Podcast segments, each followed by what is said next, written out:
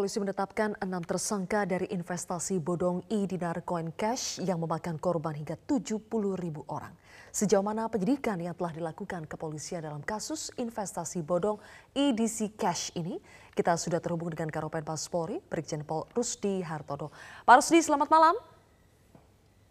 Selamat malam, Mbak Zilvia. Baik, Pak Rusdi, apa saja peran enam orang yang sudah ditetapkan sebagai tersangka dalam kasus investasi bodong EDC Cash ini, Pak? Baik, Mbak Zilvia, dapat kami jelaskan. Sampai saat ini ada enam tersangka yang telah diamankan oleh Baris Polri, walaupun Baris Krim tetap menelusuri kemungkinan ada pihak-pihak lain yang terlibat yang akan kita amankan juga. Sekarang masih enam, yaitu atas nama AY, dia sebagai top leader di edisi cash, kemudian inisial S itu sebagai exchanger di EDC Cash, kemudian inisial JBA itu sebagai programmer di EDC Cash, kemudian ED dan ini sebagai admin, kemudian AWH dan MRS ini sebagai uh, line upline ya sebagai sponsor dari kegiatan edisi cash. Seperti itu Mbak Zilvia peran mereka enam orang tersebut. Oke, Pak, sebetulnya uh, modus penggelapan atau penipuan dana nasabah yang dilakukan oleh para tersangka ini seperti apa sih, Pak? Mereka tentunya mempromosikan keuntungan-keuntungan yang tidak seperti biasanya ketika investasi itu dilakukan secara normal. Karena yang dimunculkan eh, uh, oleh mereka keuntungan 0,5 persen per hari, 15% per bulan ini sangat menarik. Sehingga nasabah ketika ingin ikut, mereka akan mendownload dulu aplikasi yang ada di Play Store. Setelah mendownload, mengisi aplikasi, setelah mendapat uh, proof dari admin, maka bisa menjadi nasabah, kemudian akan menyetor uang ya sebesar 5 juta rupiah ke rekening yang telah ditentukan oleh mereka.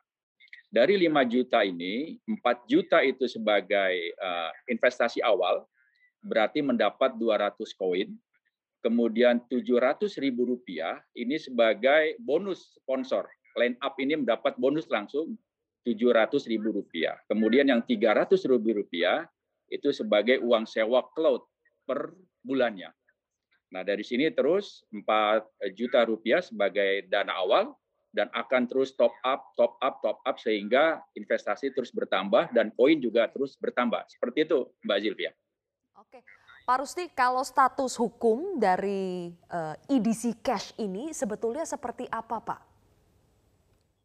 Berdasarkan penelusuran dari Baris Krim Polri, ternyata EDC Cash ini tidak mendapat izin dari pihak yang berwenang, baik OJK maupun Bapepti, tidak mengeluarkan izin daripada kegiatan EDC Cash. Artinya adalah bahwa aktivitas edisi cash selama itu itu ilegal masyarakat telah terjerat dalam aktivitas uh, perusahaan ilegal ya untuk investasi dalam hal ini Mbak Zilvia. Oke, kalau dari pengakuan para nasabah setelah dua setengah tahun baru mulai muncul masalah. Kenapa Pak? Kenapa setelah dua setengah tahun baru ada masalah?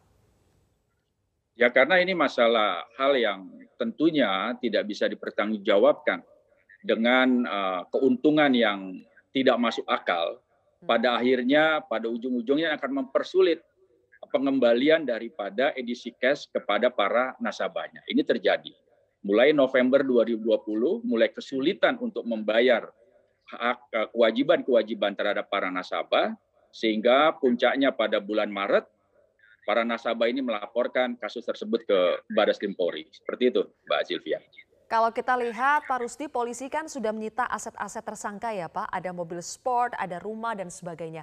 Apakah memang aset-aset tersebut dibeli dalam kurun waktu berjalannya investasi EDC Cash ini Pak? Benar sekali Mbak Zilvia. Jadi barang bukti yang telah diamankan bermacam-macam tadi, setelah kita telusuri dan berdasarkan keterangan para tersangka ini, barang-barang tersebut dibeli atau didapat daripada dana nasabah tersebut. Seperti itu. Oke, sejauh ini berapa total uh, kerugian yang sudah dialami para nasabah? Kan tidak semua nasabah ya Pak, kan ada 70 ribu lebih nasabah tapi yang melapor sejauh ini baru belasan. Berapa total kerugian dari pelapor dan kalau dihitung dari jumlah nasabah yang ada yang sampai 70 ribuan itu, berapa kira-kira perkiraan kerugian ya Pak? Tentunya kami masih menelusuri jumlah nasabah yang dirugikan kemungkinan akan bertambah dari 70 ribu itu. Untuk sementara kerugian yang dapat dihitung oleh Bareskrim, walaupun ini kemungkinan besar akan bertambah, itu sekitar 62 miliar rupiah kerugian para nasabah itu. Sekarang masih telusuri dan kemungkinan nasabah akan bertambah dan juga kemungkinan kerugian juga masih akan bertambah. Terakhir Pak Rusdi, Biasanya kalau menjelang lebaran orang butuh uang kemudian mulai tertarik tergoda dengan iming-iming bisa mendapatkan uang berlipat-lipat, keuntungan berlipat-lipat dalam waktu yang singkat dengan cara yang mudah. Apa imbauan dari kepolisian Pak? Kalau dari kepolisian kalau kita berkaca dalam kasus investasi bodong edisi cash ini, apa yang bisa kita pelajari dan imbauan kepada masyarakat seperti apa? Tentunya dengan kejadian ini masyarakat dapat mengambil hikmah. Dari Polri tentunya memberikan himbauan ketika masyarakat akan melakukan investasi pada satu perasaan investasi, perlu melihat legalitas pertama. Legalitas dari perusahaan, melihat perizinan dari perusahaan itu sendiri. Apakah perusahaan tersebut memiliki izin? Ketika memiliki izin, cek betul izin itu apakah palsu ataukah memang izin yang resmi cek kepada instansi yang mengeluarkan izin tersebut. Kedua adalah kelogisan, logis. Apakah hasil imbal yang didapat dari nasabah setelah mengikuti program-program pada perusahaan investasi tersebut masuk akal atau tidak? Ketika tidak masuk akal, itu patut dicurigai.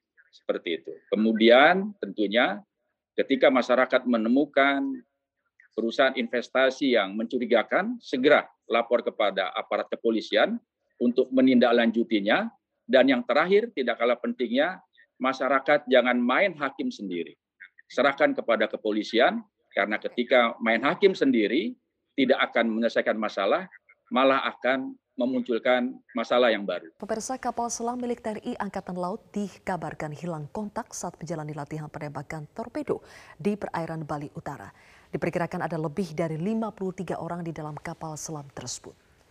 Kepala Dinas Penerangan TNI Angkatan Laut Laksamana Pertama Julius Wijoyono mengatakan kapal selam tersebut tidak memberikan laporan setelah menjalani latihan torpedo. Kru kapal juga tidak merespons panggilan dari atas air. Kontak terakhir tercatat dilakukan Rabu dini hari pukul 4 waktu Indonesia Barat. Kapal selam yang hilang kontak adalah KRI Nanggala 402 buatan Jerman pada tahun 1979. KRI Nanggala 402 diketahui bisa melaju dengan kecepatan 21,5 knots dan bisa mengangkut hingga 34 prajurit. KRI Nanggala termasuk dalam armada pemukul milik TNI Angkatan Laut. Bagaimanakah perkembangan pencarian KRI Nanggala 402 telah terhubung melalui sambungan telepon kontributor Metro TV Andi Himawan di Banyuwangi, Jawa Timur. Andi, Ya, ya. Andi, bagaimana perkembangan upaya pencarian kapal selam Nanggala 402 yang hilang kontak di perairan Bali?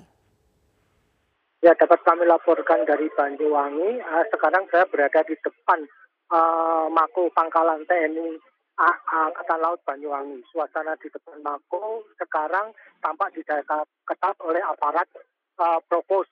Selain itu juga teman-teman jurnalis uh, sedang menunggu di depan uh, pangkalan TNI Angkatan Laut Banyuwangi. Sedangkan untuk perkembangan pencarian, uh, kami dapat info uh, sejumlah kapal TNI Angkatan Laut dikerahkan untuk mencari kapal selam yang rencananya besok melakukan uh, penembakan rudal. Sejumlah kapal uh, kapal TNI sudah dikerahkan. Salah satunya adalah kapal Dr. Suharto yang rencananya malam ini akan merapat di Pelabuhan Tanjung Wangi Banyuwangi. Demikian Sylvia. Oke, Andi pencarian nantinya akan dipusatkan di titik mana? Untuk sementara ini info saya belum dapat uh, di mana titik pencarian, namun uh, berdasarkan tadi dari apa dinas penerangan bahwa besok uh, Panglima TNI akan mengadakan jumpa pers langsung di Bali. Sementara itu uh, karena uh, hilang kontaknya atau posisi hilangnya di Laut Utara uh, yang berdekatan dengan Banyuwangi, uh, maka sementara nanti mungkin di uh, pencariannya di sekitar uh, Selat Bali dan Laut Utara Bali. Begitu. Mhm.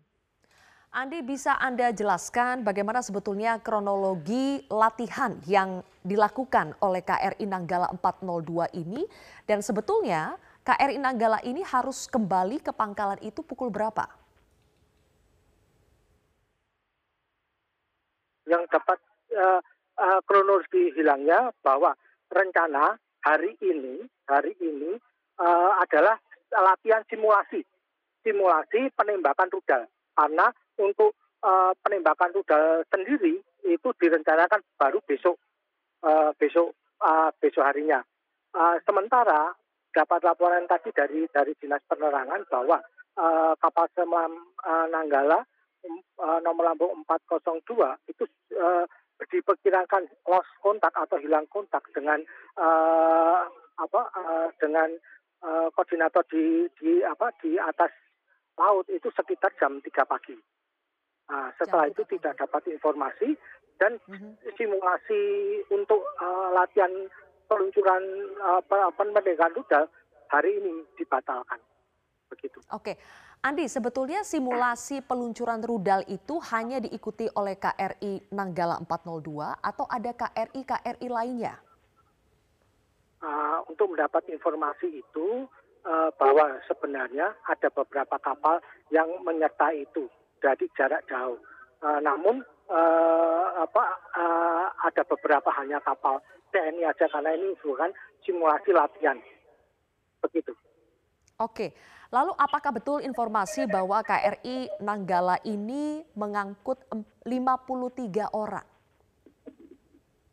Untuk sementara info itu saya belum dapat uh, informasi resmi karena dari pihak TNI Angkatan Laut di sini uh, apa tidak bersedia me, apa, memberikan keterangan uh, lebih lanjut karena uh, jumpa pers akan di, diberikan Panglima TNI secara langsung besok di Bali. Oke, uh, terakhir Andi, apa sebetulnya kegiatan atau fungsi utama dari KRI Nanggala 402 ini? Kita tahu KRI Nanggala ini dibuat di Jerman sudah lama ya, pada tahun 1979. Selama itu sebetulnya selama ini dipakai untuk apa saja KRI Nanggala 402 ini?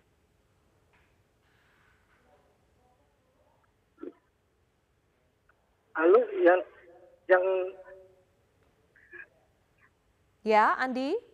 Halo untuk sementara informasi tersebut kita masih menggali informasi lebih lanjut.